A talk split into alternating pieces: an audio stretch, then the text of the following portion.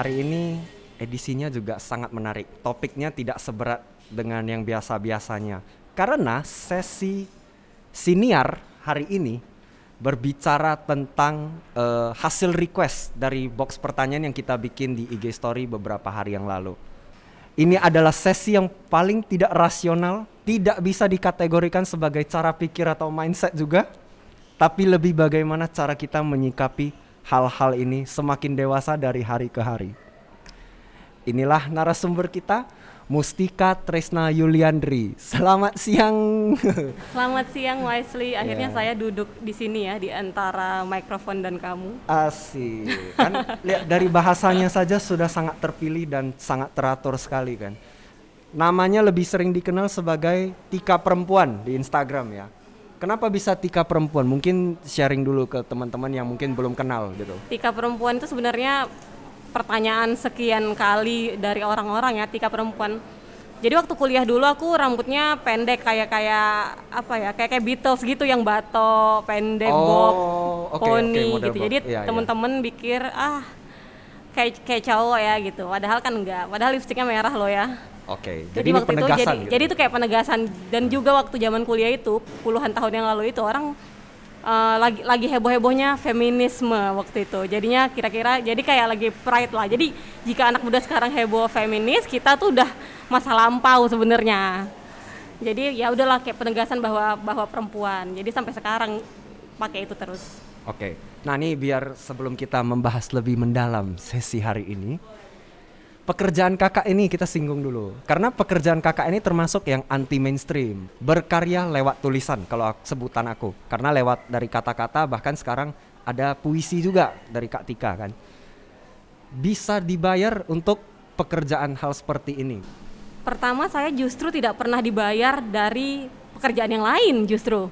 Jadi dari awal karir semuanya bermula dari menulis ini. Jadi perjalanan karirku dari 2011 sampai detik ini berhubungan dengan tulisan dan aku nggak pernah menggeluti bidang lain. Oke, okay. jadi maksudnya uh, emang dengan nulis itu kita bisa bayar tagihan bulanan kita. Terus emang bisa sampai bis, bisa bikin kaya gitu? Sebenarnya kalau bikin kaya sih tergantung ya atas standar kaya kamu sampai mana. Tapi setidaknya bisa bikin kita berjalan jauh ya. Kalau di, bisa bisa bikin traveling bisa beli gadget bisa beli lipstick bisa jajan bisa sekolahin adik bisa minum kopi bisa apa pun gitu. Jadi penulisan penulis kalau kata orang penulis emang ada duitnya ya ya ada dong kalau nggak ada duitnya mana mungkin aku bisa duduk di sini minum kopi terus bayar bayar uh, ojek online, bayar apa segala macam gitu. Oke, siap siap. Justru sekarang lini pekerjaan kepenulisan itu justru lebih luas kalau menurut aku sih gitu. Oke, kalau menurut Kak Tika nih, karena kan Kak Tika ini seorang penulis. Menurut Kak Tika seberapa penting nih kita nih orang awam, orang biasa gitu, keahlian merangkai kata dan punya ragam kosakata untuk kehidupan sehari-hari? Menurut aku sih nggak harus penulis ya yang yang bisa berbahasa Indonesia dengan baik dan benar menurut aku. Karena sama kayak nggak nggak nggak harus financial advisor yang punya uh, financial isu yang baik gitu kan. Sama kayak nggak harus penulis untuk bisa ngomong baik nulis baik dan berbicara dengan baik. Karena uh, apa pun yang kamu lakukan yang kamu perlukan itu pasti berhubungan dengan bahasa dan bicara seada seninya gitu. Jadi kalau misalnya kamu kamu bilang saya nggak perlu lah belajar menulis buat apa? Orang saya bank, bank accounter atau atau atau profesi saya lain nggak mungkin. Karena kamu akan ketemu banyak orang bahasa yang kamu pakai di rumah nggak akan sama dengan bahasa yang kamu pakai bertemu orang secara profesional. Dan orang sering abai itu. Waktu saya memilih jurusan sastra Indonesia orang malah bilang ih ngapain belajar bahasa Indonesia lagi eh, empat tahun gitu ngapain gitu loh bahasa Indonesia bahasa Indonesia gitu berbeda masalahnya bukan belajar bahasa Indonesia yang sehari-hari seperti verbal ini tapi kan ada ilmu yang digali untuk melakukan itu gitu jika tidak ada orang-orang yang memilih jurusan sastra Indonesia mungkin khasana sastra Indonesia kita lenyap kan hilang hmm. gitu ini itu menarik. sih menurut saya oke jadi uh, ceritanya Kak Tika ini uh, kapan sih nemu jawaban kalau menulis itu adalah alasan yang tepat dan menjadi uh, hal utama dalam hidup ini kita bilang. Pertama sih saya nganggapnya penulis itu ya udah hobi aja. Terus lama-lama ternyata ada beberapa kesempatan yang yang yang ternyata dibayar untuk melakukan ini. Jadi ini kayak hobi yang dibayar juga walaupun saya nggak setajir itu gitu kan. Tapi saya setidaknya sampai sekarang bekerja dengan di dunia kepenulisan ini tanpa beban yang begitu berat gitu kan. Walaupun ada lah deadline dan lain-lain yang kadang-kadang bikin pusing. Tapi saya nggak pernah merasa ini menjadi jawaban atau apa pun apa pun ini seperti seperti jalan yang terbuka saja gitu yang saya lalui setiap hari dan it's it's a bless kan setiap hari melakukan hal yang kita sukai dan tidak terlalu tertekan dengan itu asik Oke. Topik yang ditunggu-tunggu semua anak muda. Bicara soal cinta-cinta.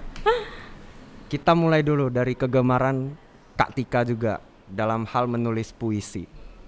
Menurut Kak Tika sendiri arti puisi itu apa sebenarnya? Kalau menurut aku sih puisi adalah sebuah uh, ekspresi mengungkapkan uh, apa pun yang yang saya rasakan. Jadi kayak kegelisahan, kesenangan atau hal-hal yang membentur dan terjadi di sekeliling gitu. Enggak nggak terlalu filosofis. Oh, saya harus sakit hati atau patah hati dulu baru puisinya lahir nggak nggak begitu kalau di saya karena nggak selalu saya yang harus mengalami itu baru baru bisa jadi poli, uh, puisi nggak mesti kan jadi puisi itu adalah sesuatu ekspresi yang terjadi di di sekeliling, di hati, di apa pun. Jadi apa pun yang terjadi biasanya lahir melalui puisi-puisi itu gitu. Oke. Okay, Sederhana itu sih. Sangat sederhana ya setelah dijabarkan seperti itu ya. Nah, ini kan menarik nih, tren belakangan di sosial media lah kalau terutama kita lihat kan mulai muncul nih konten-konten yang bikin puisi-puisi singkat. Bahkan kadang ada yang bikin lagu-lagunya lagu-lagu anak senja katanya istilahnya terus ada berisi quotes-quotes dengan kat, rangkaian kata-kata yang disusun dengan rapi. Mungkin yang satu yang paling bagus itu kita lihat populernya yang seperti NKCTHI gitu. Kak Tika sendiri kan sampai hari ini belum pernah kan bikin yang begituan. Itu kenapa sebenarnya? Uh, sebenarnya saya udah bikin yang begituan dan banyak teman-teman lain para para penyair penulis yang udah bikin begituan pada zaman dahulu kala gitu sepotong-sepotong quotes dan lain-lain. Hanya saja media sosial sekarang membantu lebih heboh.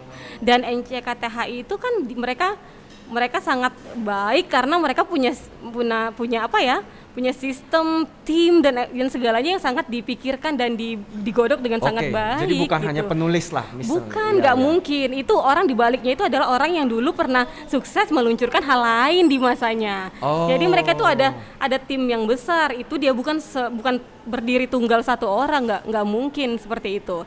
Media sosial ini yang membuat segalanya lebih lebih cepat menyebar gitu kan hati yang kasmaran kita bilang.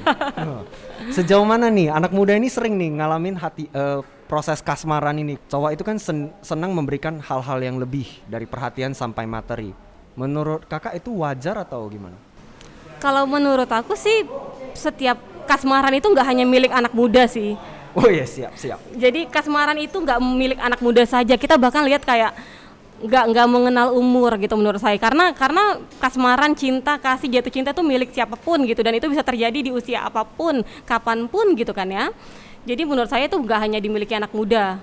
Uh, karena saya pernah melihat orang-orang yang lebih tua dari kita itu kasmaran dan itu jauh lebih konyol caranya gitu banyak yang lebih tidak se kalau kita pikir ah, anak muda ini anak cinta monyet konyol banget ya jatuh cintanya oh enggak anak orang tua juga bisa lebih parah sih oke okay. gitu.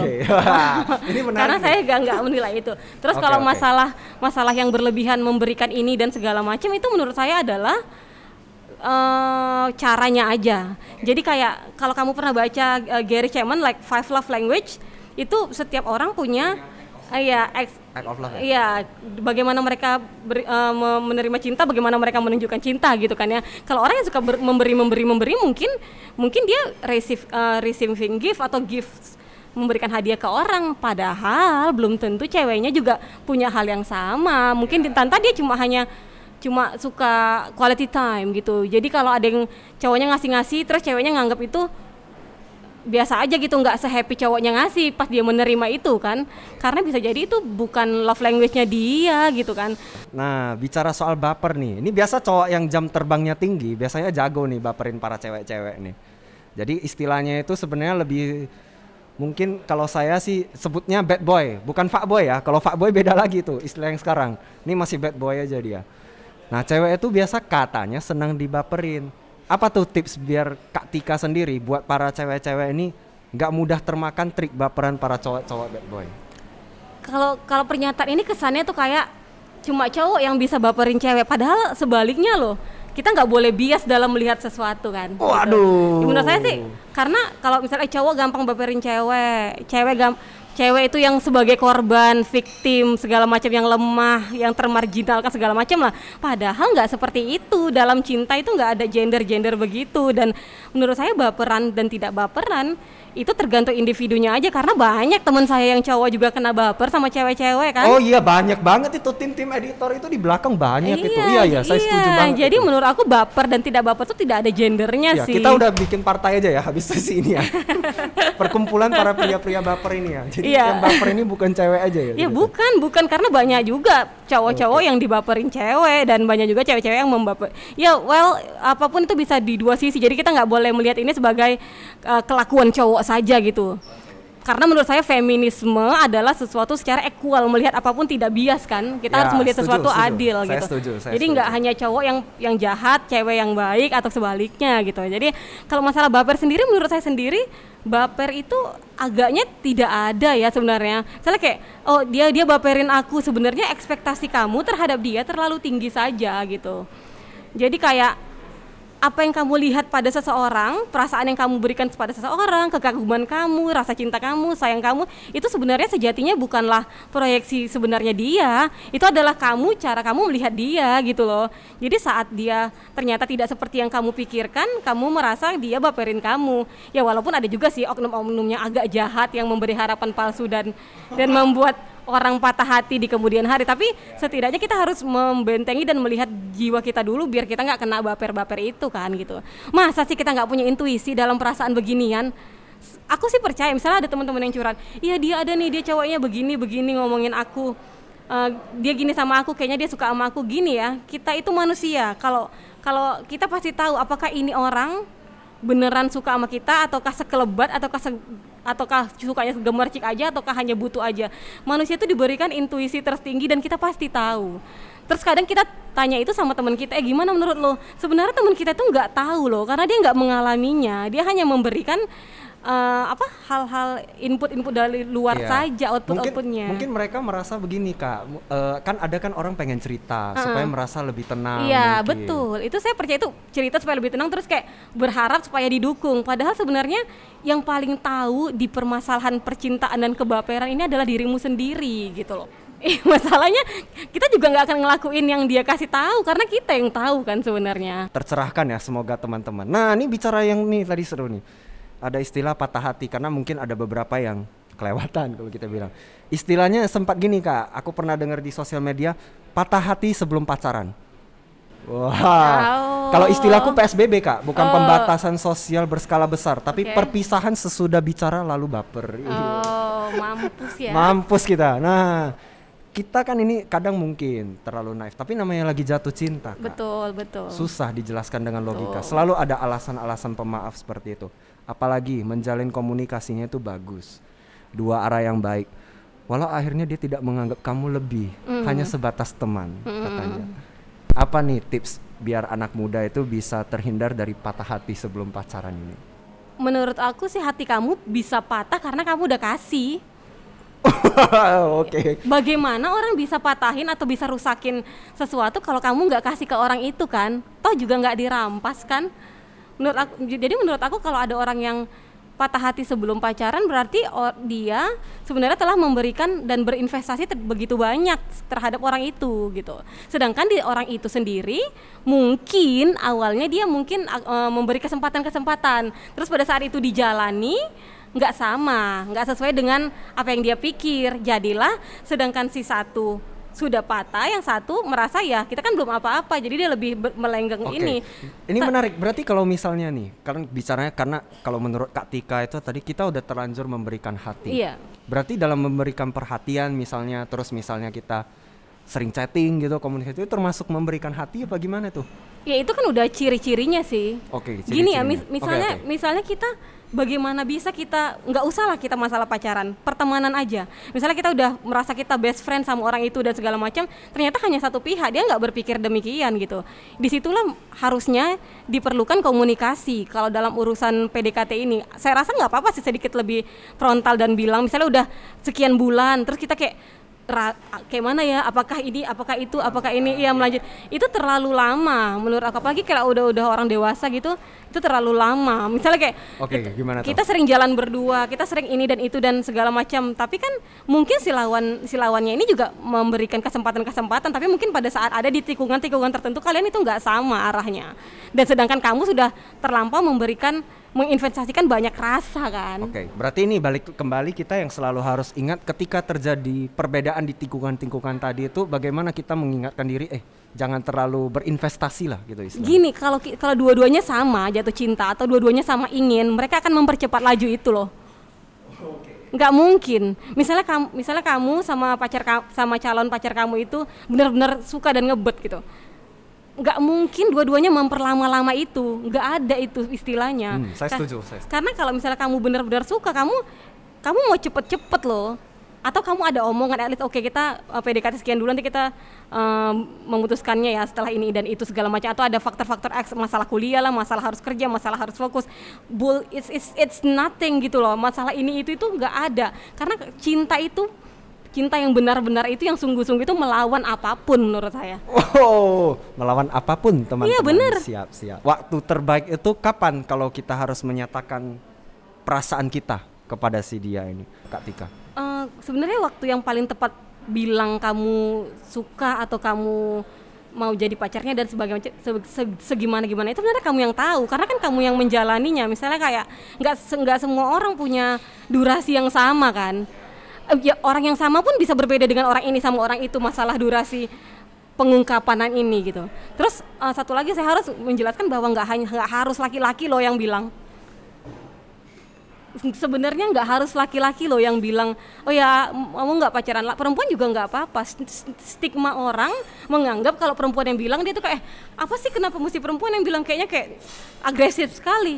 Loh enggak loh sebenarnya justru perempuan itu kalau dia ngomong duluan ngungkapin itu dia melindungi hatinya sebenarnya jadi dia nggak terlalu lama dalam cengkraman kegalauan dan ketidakpastian ini menurut saya Oke, jadi ternyata ya balik lagi kita kan kesetaraan gender lah kalau kita bilang.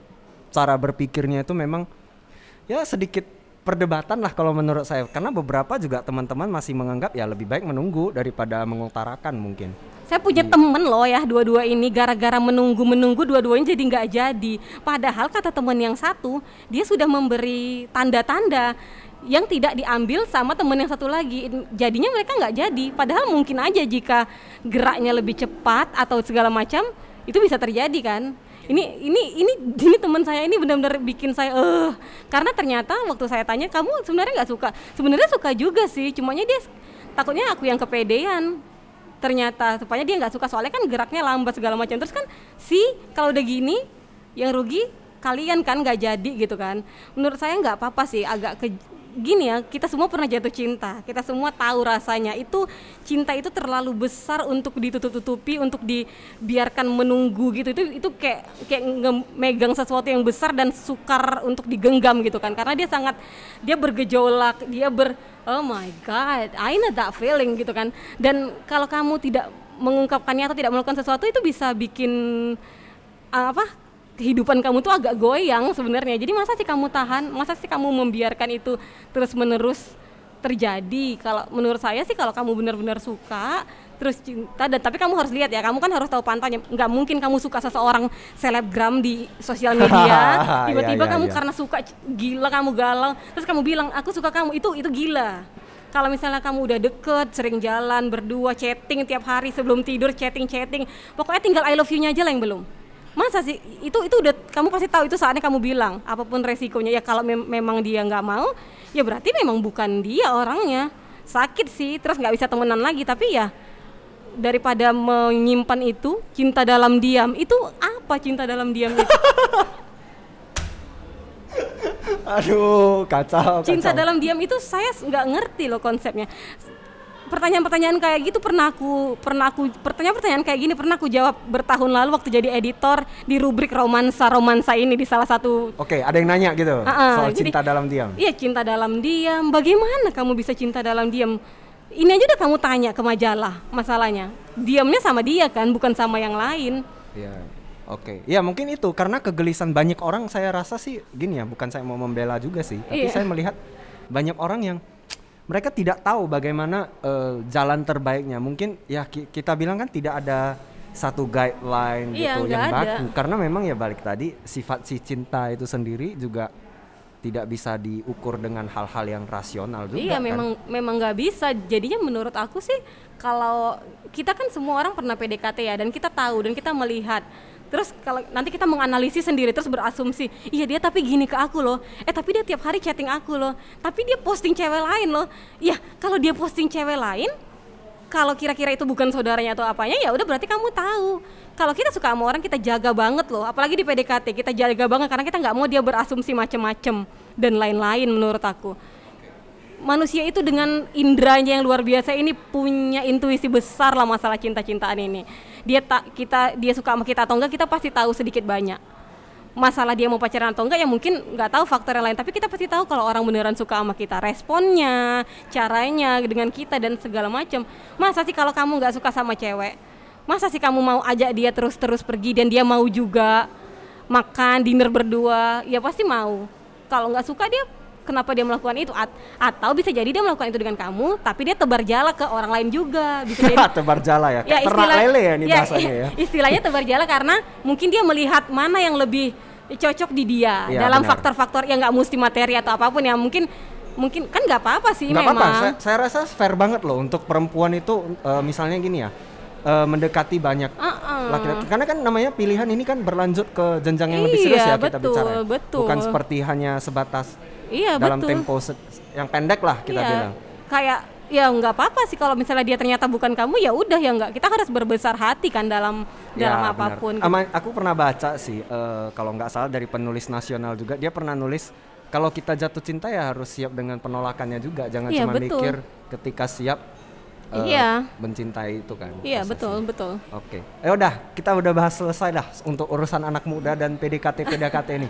Aku mau bahas yang lebih jauh, oke lebih dari pacaran. Oke. Kita udah membahas soal lebih ke topik orang-orang pasangan yang sudah menikah. oke Karena menurut aku ini cukup menarik fenomenanya seperti yang Kak Tika sempat singgung di awal juga tadi tentang kasmaran ternyata orang tua orang tua lebih geli daripada anak-anak muda Iya. sampai se- segitunya kan. Nah, aku melihat banyak pasangan saat menikah itu bisa berbeda loh dengan saat dia pacaran dulu. Mm-mm. Konon istilahnya itu sempat dibilang yalah dimaklumi api asmaranya itu sudah padam katanya. Kalau Kak Tika sendiri pandangannya gimana soal yang beginian? Eh, aku kebetulan belum menikah ya dan nggak Ya. tahu apakah akan menikah atau tidak menikah. Sama juga ya.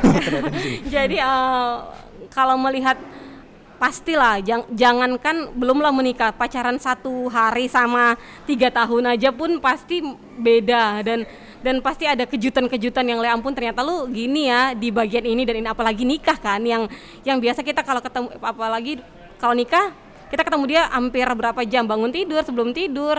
Dia lagi apa dia lagi apa dalam keadaan terburuknya gitu. Kalau pacaran kan kita ketemu pas dia cakep-cakepnya gitu kan.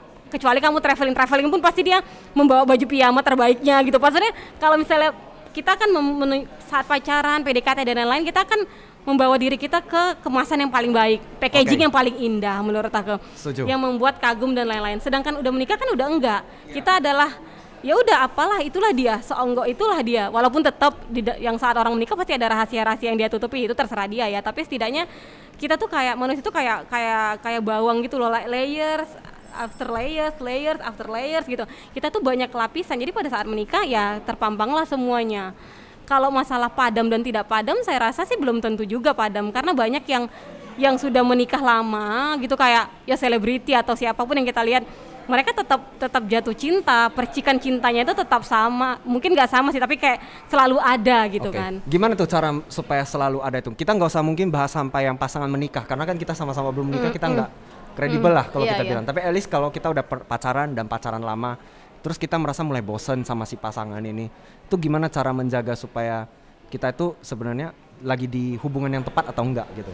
ya sebenarnya aku rasa sih kita itu pasangan kita sebenarnya bukan berubah tapi dia hanya belum sempat nunjukin itu pada saat di awal-awal Oke, timelinenya berbeda iya, ya. timelinenya jadi kan kayak Ih dia berubah ternyata dia gini sebenarnya enggak, enggak berubah. Cumanya memang seberapa sering kamu ketemu dia, seberapa sering kamu bersamanya gitu kan. Jadi semakin ke sini ya semakin kelihatan lah hal-hal itu gitu. Kalau menurut Kak Tika sendiri pacaran itu apakah hanya urusan cinta? Bagaimana dengan konsep berpikir seperti ada yang teman-teman bilang pacaran itu sebenarnya lebih dari cinta, bahkan sampai menikah karena itu lebih bagaimana tentang komitmen, terus bagaimana tentang kita menerima pasangan kita bukan sibuk dengan mengubah hal-hal yang hal-hal buruk dia misalnya. Kalau Kak Tika sendiri ngelihatnya gimana? Kalau aku sih memang setuju. Kalau pacaran dan relationship dengan orang itu nggak hanya tentang cinta. Itu kalau kamu tentang cinta aja, cinta tuh cepet hilang loh. Kita manusia, kita aja punya HP baru misalnya. Besok kita udah nggak se-excited itu main HP itu. Atau kita punya sesuatu yang aku punya alat seduh baru yang ini seminggu terus itu terus. Besoknya udah nggak sebergairah itu dengan itu. Sama itu berlaku pada pada manusia juga pada pasangan juga gitu. Jadi saat pasangan yang menurut saya pantas dipertahankan adalah mereka yang yang membuat kamu dia tidak membuat kamu mengatur atau mengshaping itu tapi dengannya kamu merasa menjadi versimu dengan lebih baik gitu. Dia ya versimu jadi lebih baik itu bersamanya itu uh, keluar dia juga melakukan hal yang sama gitu karena menurutku cinta yang eh, hubungan yang baik itu adalah hubungan yang mengandung ada cinta, ada respect, ada tanggung jawab, ada saling kasih gitu dan nggak hanya melulu tentang cinta cinta. Ya aku cinta padamu tapi kamu nggak dukung karirnya misalnya. That's not that's not even love gitu kan. Atau sama kayak orang tua dia bilang dia sayang anaknya tapi dia nggak beresin kulit sekolah anaknya atau dia nggak sayangin anaknya nggak jaga nggak care nggak respect sama keputusan anaknya itu nggak cinta loh. Itu nggak sebenar-benarnya cinta menurut aku. Karena cinta itu lebih lebih kompleks kalau itu benar-benar ada. Oke okay, menarik nih. Nah kita bicara sedikit uh, soal ke fenomena pernikahan tadi lah. Aku ada kepikiran satu. Uh, saya melihat ini pribadi ya. Saya melihat pribadi uh, biasanya ini terutama pria ya suami kalau udah cerai. Ada kemungkinan tendensi katanya bercandanya ada puber kedua, bisa menggandeng istri lebih dari satu. Kalau di agama Islam mungkin poligami istilahnya. Nah, tapi kita nggak bicara dari sisi agama dulu ya, sebis, uh, mungkin kita lebih secara general karena saya rasa ini banyak yang terjadi di kehidupan kita sehari-hari. Menurut Kak Tika sendiri apa memang iya manusia, terutama kita ya nih laki-laki lah misalnya, memang bisa mencintai lebih dari satu pasangan gitu? Kalau mencintai dari lebih satu mungkin memang bisa tapi kadarnya nggak mungkin sama. Kadarnya nggak jadi sama. menurut aku ya hati kita itu terlalu sempit untuk diisi lebih dari satu. Hati kita itu yang kecil itu yang brengsek itu yang banyak maunya itu bisa diisi banyak orang tapi kadarnya ruangnya nggak bisa sama. Misalnya aku mencintai si A dan si B bersamaan dengan Adil itu nggak mungkin. Bagaimana? Adil yang bagaimana? Selama masih ada yang tersakiti Adil tidak akan pernah ada loh kayak iya misalnya selama masih ada yang tersakiti adil adil tak akan pernah bisa terjadi di muka bumi ini. Kita bukan orang suci juga kan ya. Jadi menurut aku kalau masalah orang berpasangan lebih dari satu menurut aku sih bisa bisanya aja sih. E, mungkin kalau orang yang menurut aku orang yang punya pasangan lebih dari satu itu lebih itu itu tidak lebih kuat dari mereka yang berani selingkuh tapi meninggalkan pasangan sebelumnya. Aku nggak bela orang selingkuh, selingkuh is a jerk, itu memang brengsek dan salah.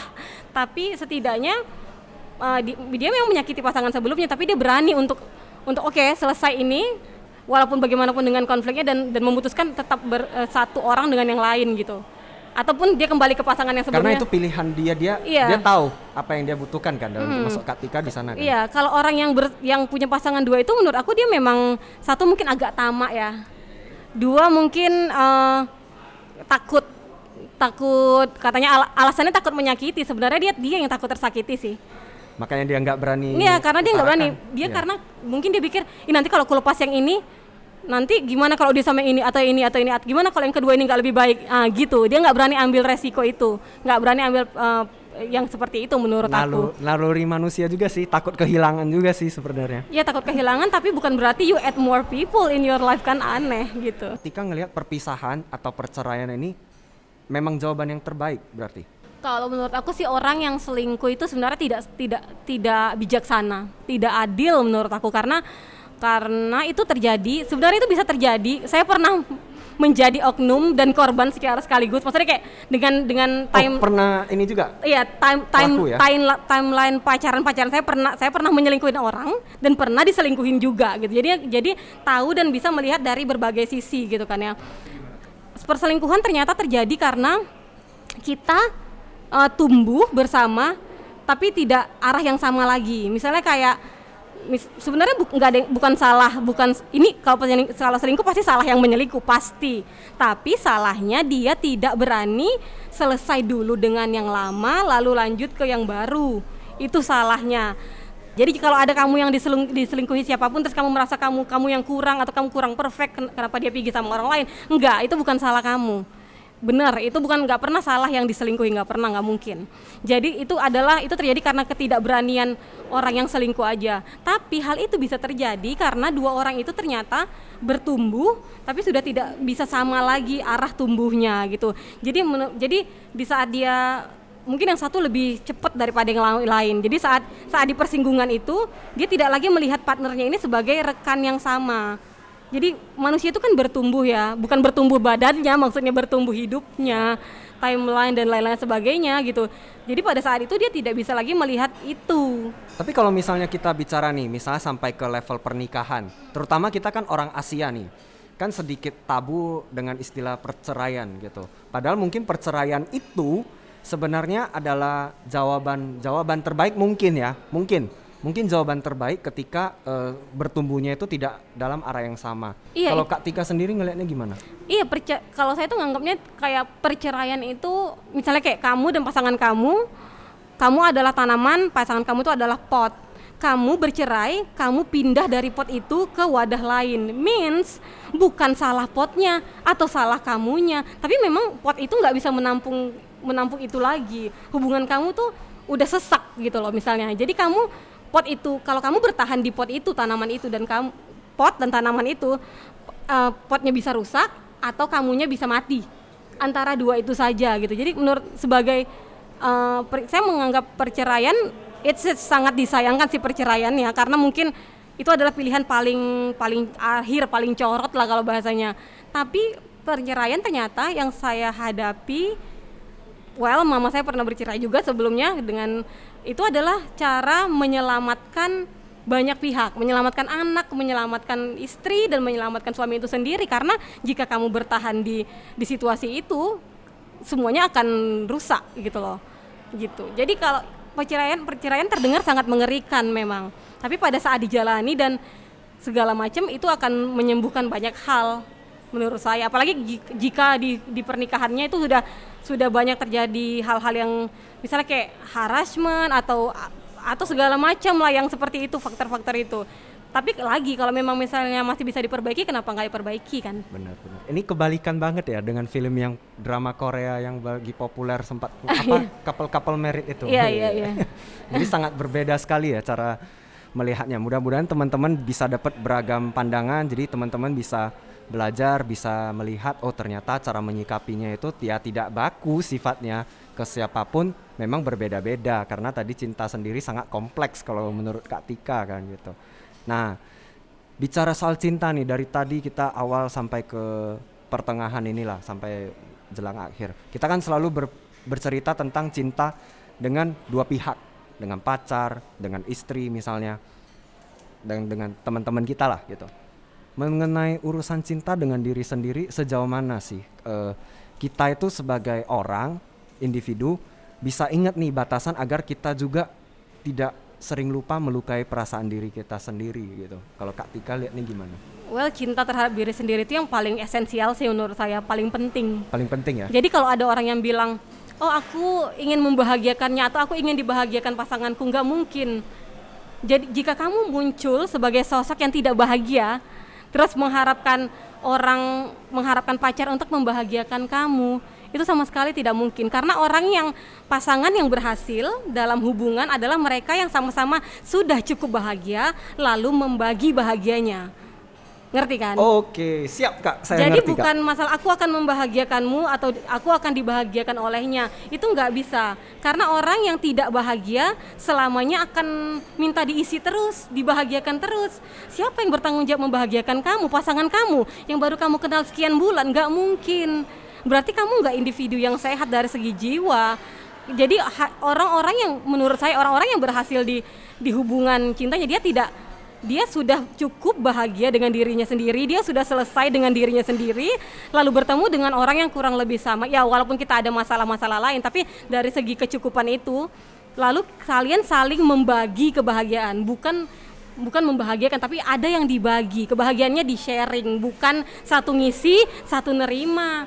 Enggak begitu konsep hubungan yang berhasil kalau menurut saya gitu. Wes. Jadi itu kata, mungkin kata orang ya kamu tuh kalau cari pacar yang matang atau ini mungkin secara matangnya ya itu tadi maksudnya bukan matang secara finansial aja karena banyak orang yang matang finansial tapi ternyata jiwanya kosong atau atau ada kebocoran di hatinya dan itu yang membuat Aduh, hati yang bocor. iya terus kamu ngeharap kayak ya aku akan menyelamatkan kamu akan membuat hidup kamu lebih baik nggak mungkin itu nggak akan itu adalah umbang-umbang bahasa puitis orang-orang di Instagram saja Wow, dalam sekali teman-teman.